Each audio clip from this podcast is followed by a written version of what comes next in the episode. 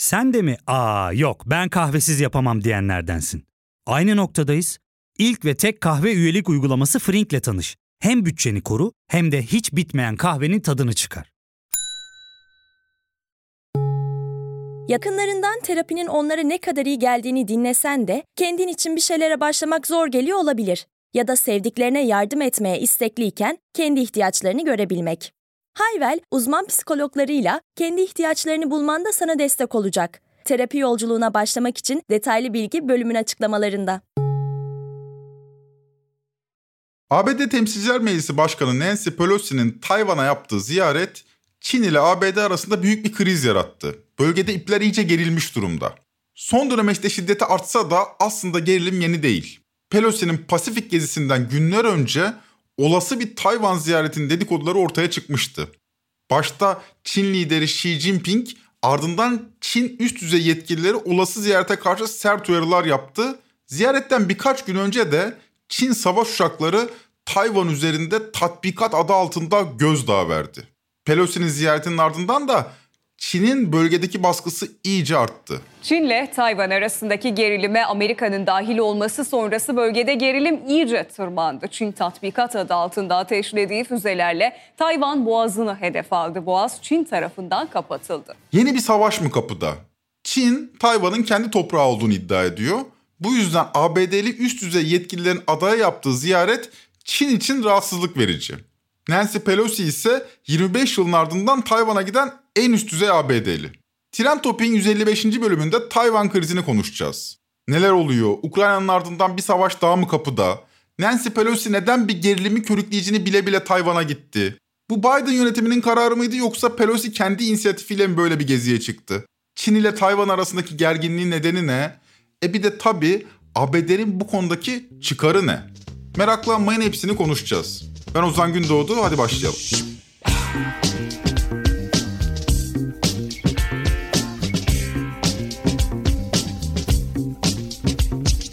ABD Temsilciler Meclisi Başkanı Nancy Pelosi 31 Temmuz pazar günü 4 Asya ülkesini kapsayan Pasifik turuna çıktı. Ofisinden pazar günü yapılan basın açıklamasında mevzu bahis 4 ülkenin adı vardı. Singapur, Malezya, Güney Kore ve Japonya. Yani Tayvan yoktu. Ama gelin görün ki 2 Ağustos akşamı Nancy Pelosi'yi taşıyan uçak Çin'in haftalar öncesinden yaptığı tüm itirazlara ve uyarılara rağmen Tayvan'ın başkenti Taipei'nin havalimanına iniş yaptı. Şu anda tekerler İniyor. pistteydi evet. Pelosi'yi taşıyan uçak an itibarıyla Tayvan'a iniş yaptı evet, şu anda yaptı. Hemen altını çizelim. Tayvan polisi Pelosi'nin kalacağı otelin önünde bir protesto düzenlendiğini, bunu dağıttığını duyurdu. Ziyareti gerçekleştirenin Nancy Pelosi olması önemliydi. Çünkü Pelosi Temsilciler Meclisi'nin sözcüsü.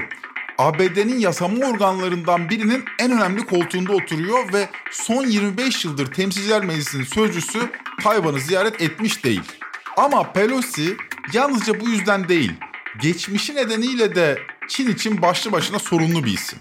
Sizi 1991 yılından bir habere götüreyim. The three members of Congress had been optimistic about their human rights mission to China until they themselves went to Tiananmen Square. Democrats Nancy Pelosi from California and Ben Jones from Georgia.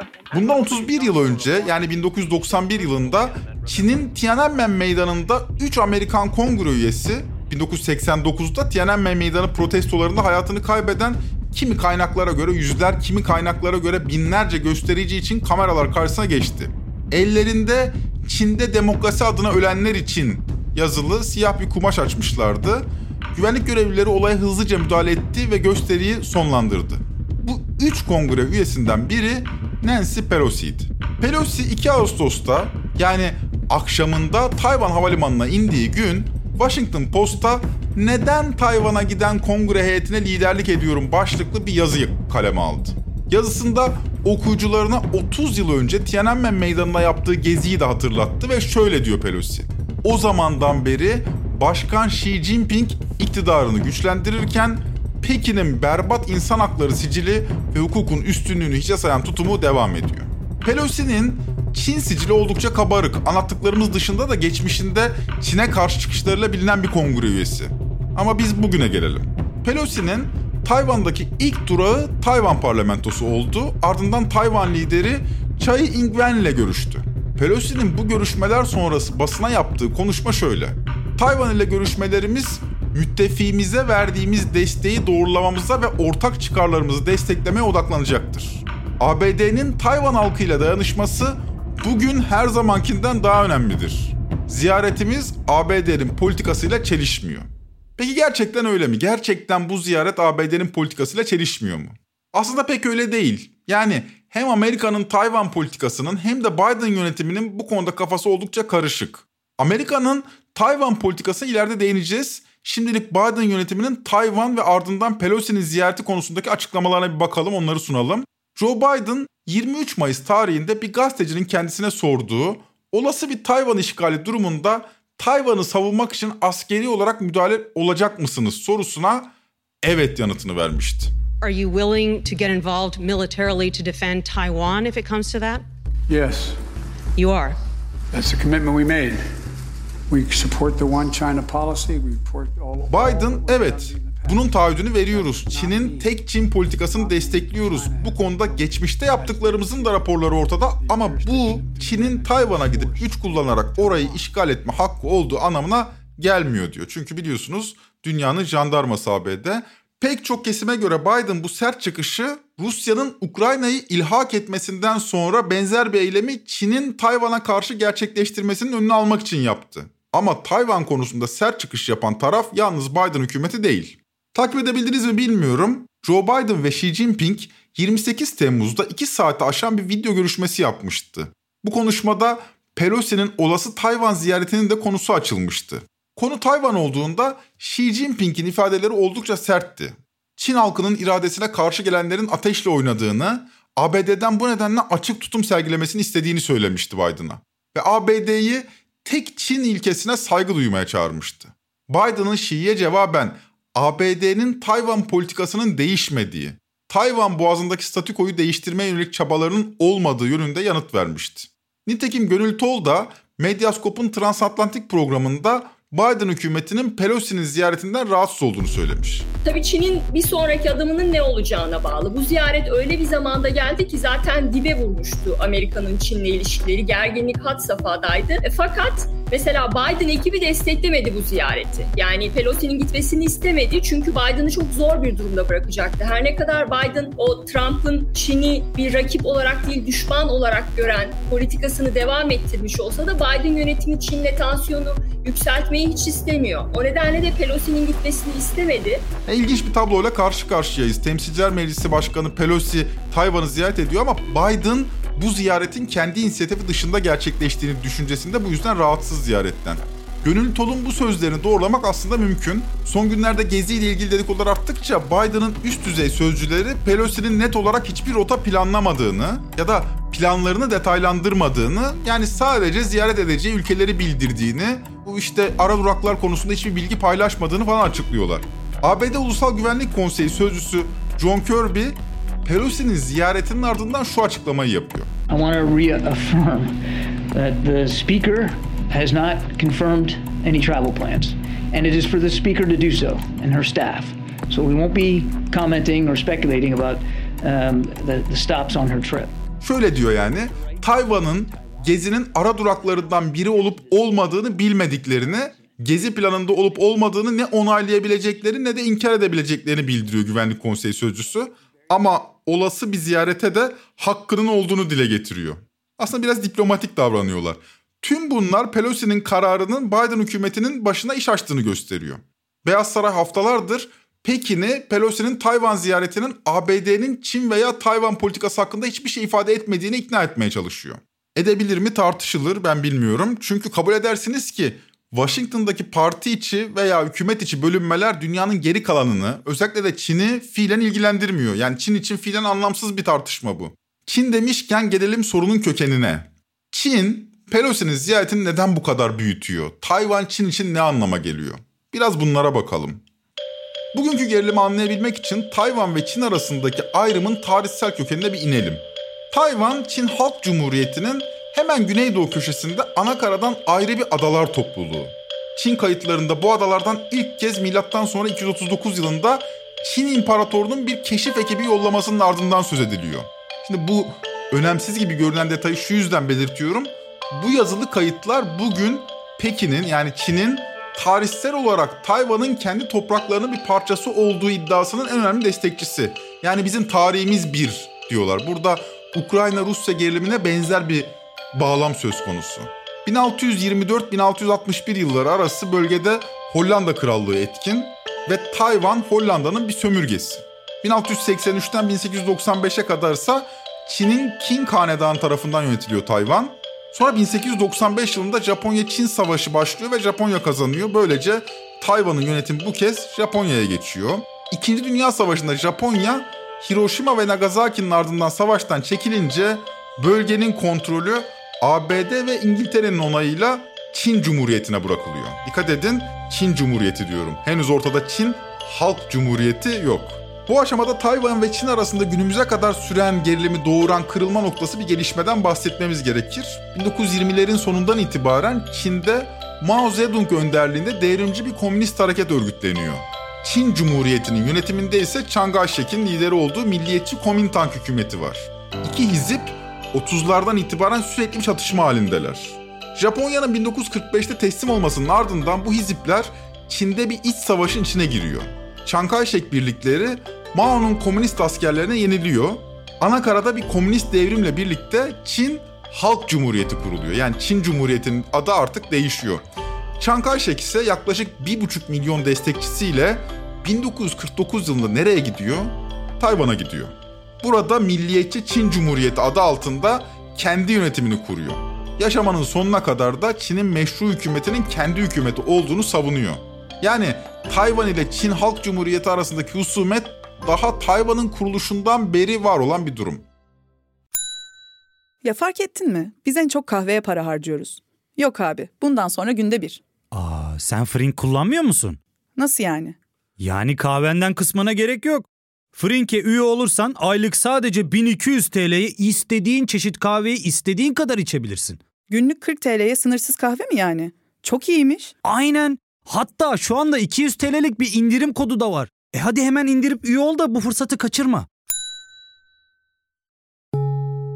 Terapiye başlamak, içinden çıkamadığın döngüleri kırmak, bazı yanlış bulduğun kararlarını değiştirmek ve kendinle beraber daha huzurlu bir yaşam inşa etmek için atabileceğin en değerli adımlardan biri. Hayvel ile yoğun yaşam tempona uyum sağlayarak online terapi seanslarını takvimine göre ayarlayabilirsin. Bini aşkın uzmandan sana en uygun terapisti seçebilir, podb10 koduyla indirimden yararlanabilirsin. Detaylı bilgi açıklamalardaki bağlantıda. Şimdi Çin ile Tayvan arasındaki gerilimin kaynağı bu. Peki Tayvan konusu üzerinden ABD ile Çin arasında neden bir gerilim var? Yani ABD'ye ne Tayvan'la Çin arasındaki gerilimden? Anladık Çin ile Tayvan gergin de ABD'ye ne oluyor? Bu noktada ABD ile Çin arasındaki Tayvan temelli gerginliği anlamak için biraz Batı ile Tayvan'ın statüsü arasındaki ilişkinin tarihine değinmek gerek. Birleşmiş Milletler 1971 yılına dek Tayvan'ı yani Çin Cumhuriyeti'ni Çin'in tek ve meşru hükümeti olarak tanıyordu. Soğuk Savaş'ın hala tüm şiddet doruklarda yaşandığı bir dünyada Batı Çin Halk Cumhuriyeti'ni değil, Tayvan'da kurulan Çin Cumhuriyeti'ni tanıyor yani. Haliyle Birleşmiş Milletler Güvenlik Konseyi'nde Çin'in koltuğuna 1971 yılına dek Tayvan temsilcisi oturuyor. Böyle tuhaf bir durum var. Ama bu yıllarda Birleşmiş Milletler üyelerinin büyük bir kısmı Taipei hükümetinin Çin ana karasında yaşayan yüz milyonlarca kişiyi temsil edemeyeceğini dile getirmeye başlıyor. 1971'de Birleşmiş Milletler Pekin'i diplomatik olarak tanıyor ve Çin Cumhuriyeti yani Taipei hükümeti ekarte ediliyor. ABD'nin Tayvan ve Çin ile ilişkileri ise daha karışık. 1978'de Çin Halk Cumhuriyeti ekonomisini dışarıya açmaya başlıyor. İkili ticaret fırsatlarını gören ABD Çin'le ilişkilerini geliştirmek istiyor ve 1979'da Pekin'le resmi diplomatik ilişkilerini başlatıyor. Tayvan'ın statüsü ise bundan sonra çok garip bir hal alıyor. ABD Tayvan'ın resmi statüsü hakkında kesin açıklamalar yapmaktan kaçınıyor. Yani keskin açıklamalarımız yok ABD olarak Tayvan hakkında. Tayvan'ın resmi statüsü hakkında stratejik bir belirsizlik politikası benimsemeye başlıyor ABD. Belirsizlik politikasının birkaç nedeni var. Bir yandan giderek büyüyen Çin'in Tayvan'a saldırmasından çekiniyorlar.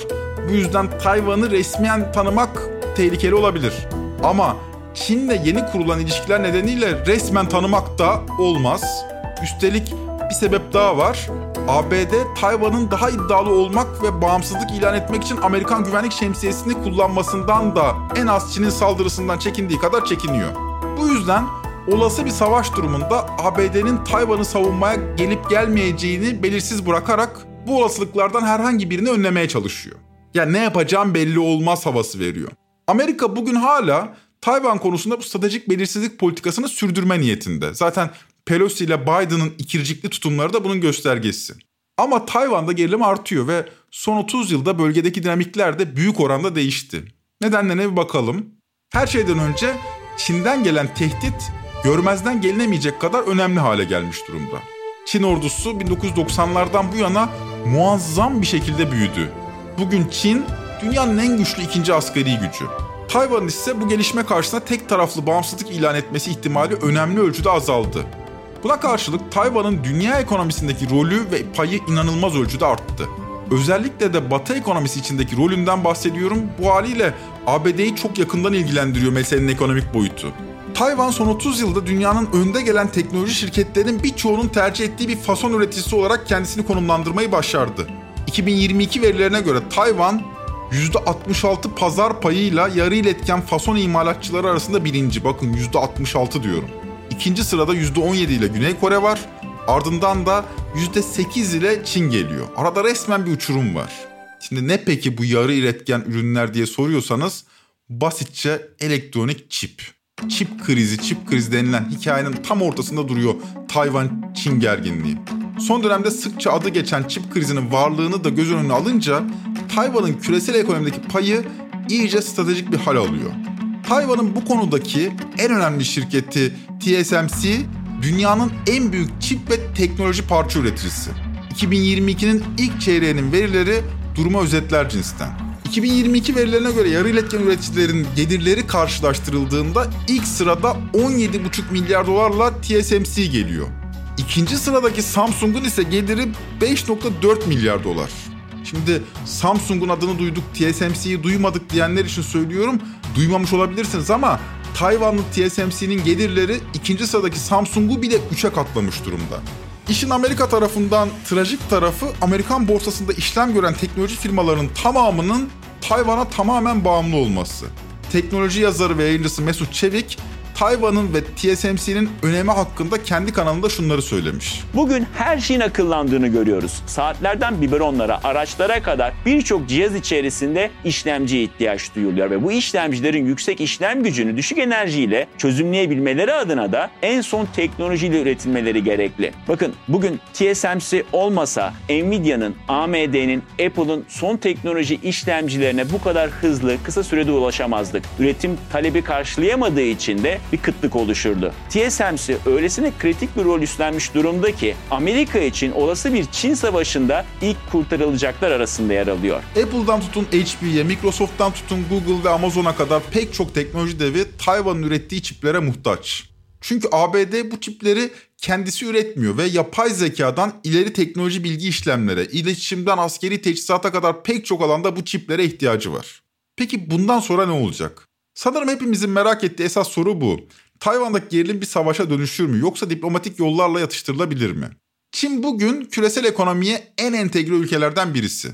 Olası bir savaş durumu global bir ekonomik buhrana kapı aralayacak. Bu nedenle nesnel veriler üzerine analiz yaptığımızda ve rasyonel bir siyaset çizgisi beklentisiyle durumu değerlendirdiğimizde savaş durumu pek olası değil. Fakat emekli büyükelçi Selim Kuneralp, Çin'in Tayvan'ı işgal etme ihtimaline karşı Medyaskop'un Kor Diplomatik programında şu yorum yapmış. Böyle bu otoriter rejimlerde işte Rusya, Çin filan gibi ve bize daha yakın olan otoriter rejimlerde rasyonalite aramak e, her zaman mümkün olmuyor. Hatırlayacaksın 24 Şubat istilasından bir veya bir iki gün önce galiba bir program yapıyorduk. Bölgeyi, Rusya'yı, Ukrayna'yı çok iyi bilen bir arkadaşımızla o e, mesela istila olmayacağından emindi. Yani Rusya'nın saldırmayacağından emindi. Şimdi tabii rejim itibariyle Çin de Rusya'nın rejiminden çok fazla farklı değil. Xi Jinping şey kadar güçlü hatta belki daha güçlü Putin'den daha güçlü ve önümüzde işte sonbaharda bir parti kongresi var. Bu uzunca bir süreden beri ilk defa olarak bir Çin lideri 5 yıllık bir üçüncü dönem için göreve talip olacak. Ee, Ukrayna Savaşı'ndan yararlanaraktan, e, Batı'nın dikkatinin oraya çekilmiş olmasından yararlanaraktan Xi Jinping bir şeyler yapmaya kalkar mı? Yani bu tabii e, rasyonel düşünecek olsak yapmaz. Ama e, demin de söylediğim gibi işte bu tür rejimlerde irrasyonel kararlar alınabiliyor. Yani şimdi burada ufak bir itirafta bulunmak gerekir. Selim Bey'in sözlerini tren topu hazırlama sürecinde bizzat deneyimledik aslında biz. Ukrayna Savaşı henüz başlamamışken Rusya henüz sınırı asker yığınağı yaptığı dönemde rasyonel bir perspektife yaslanarak gerilimin savaşa dönüşme ihtimalini zayıf bulmuştuk. Ancak Selim Bey'in dediği gibi otoriter rejimlerin kestirilmez kararlar alması her zaman ihtimaller dahilinde. Malum konunun öznesi Çin gibi politik kararlarını fazlasıyla kalın duvarlar ardında gerçekleştiren bir rejim. Biz de temkinli bir yorum yapalım. Ne olacağı belli olmaz diyelim. Yani savaş olmaz dedik ama rasyonellik varsayımı altında dedik bunu. O yüzden ne olacağı belli olmaz diye devam edelim.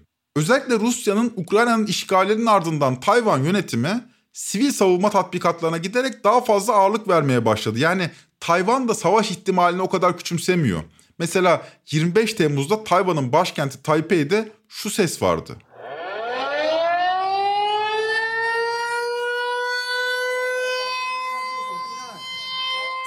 Taipei'de siren sesleri bir süredir rutin hale gelmeye başladı. Sirenlerle birlikte vatandaşlar da sokakları terk edip metro istasyonlarına veya sığınaklara gidiyor. Muhtemel bir Çin saldırısına karşı halka hazırlamak adına bir tatbikat bu. Bir başka önlem ise Tayvan ordusunun Nisan ayında yayınladığı bir sivil savunma el kitabı. Kitabın amacı muhtemel bir savaş senaryosunda vatandaşlara hayatta kalma ve direniş rehberliği sağlamak. Dolayısıyla Tayvan'da savaşa psikolojik olarak hazırlık var. ABD ise Tayvan'a silah tedarik etmeye ve Tayvan'ı önemli bir ekonomik ortak olarak görmeye devam ediyor. Özellikle Tayvan'ın çip üretiminde en önemli ülkelerden biri olması pandemiyle beraber derinleşen çip krizde düşünüldüğünde Tayvan önemini arttırıyor. Türkiye'den bakıldığında ise biraz rahatlamış gibiyiz. Kürenin ağırlık merkezi hep bizim de içinde bulunduğumuz coğrafyada şekilleniyordu. 2000'li yıllarda Orta Doğu, 2010'lu yıllarda Orta Asya, Gürcistan krizi hatırlarsınız. Ve 2020'li yıllarda Ukrayna'daki gerilimler Türkiye'yi doğrudan etkiliyordu. Tayvan gerilimi hiç değilse uzak Asya'da diyebilirsiniz. Fakat ekonomik olarak bu bölgede yaşanan gerilim bir elektronik ürün ithalatçısı olan Türkiye için olumlu bir gelişme değil. Diyelim ve finale gelelim. Sadece Türkiye değil, dünya da değişiyor. Türkiye'nin ilk yüzyılı Birinci Dünya Savaşı'nın sonrasında oluşan yeni dünyada yaşandı. Şimdi ise dünya yeniden değişiyor. Türkiye ise bu değişen dünyada yeni kimliğini arıyor. Henüz bulabilmiş değil. Trend Topi'yi Podbi Medya ile beraber hazırlıyoruz. Bir sonraki bölüme kadar barışın kıymetini bildiğiniz günler dilerim. Hoşçakalın.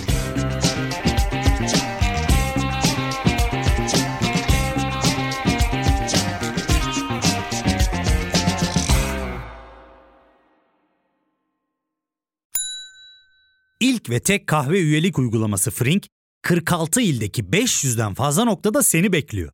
Açıklamadaki kodu girerek sana özel 200 TL'lik indirimden faydalanmayı unutma. Hadi sen de Frink üyeliğini başlat, kahven hiç bitmesin. Hem bugününe hem yarınına katacaklarıyla terapi yolculuğuna ve daha iyi hissetmeye bugün Hayvel ile başla. Açıklamadaki linkten Hayvel'i indir, ücretsiz tanışma görüşmelerinin ardından bütçene uygun seans paketini seç ve terapi yolculuğuna başla.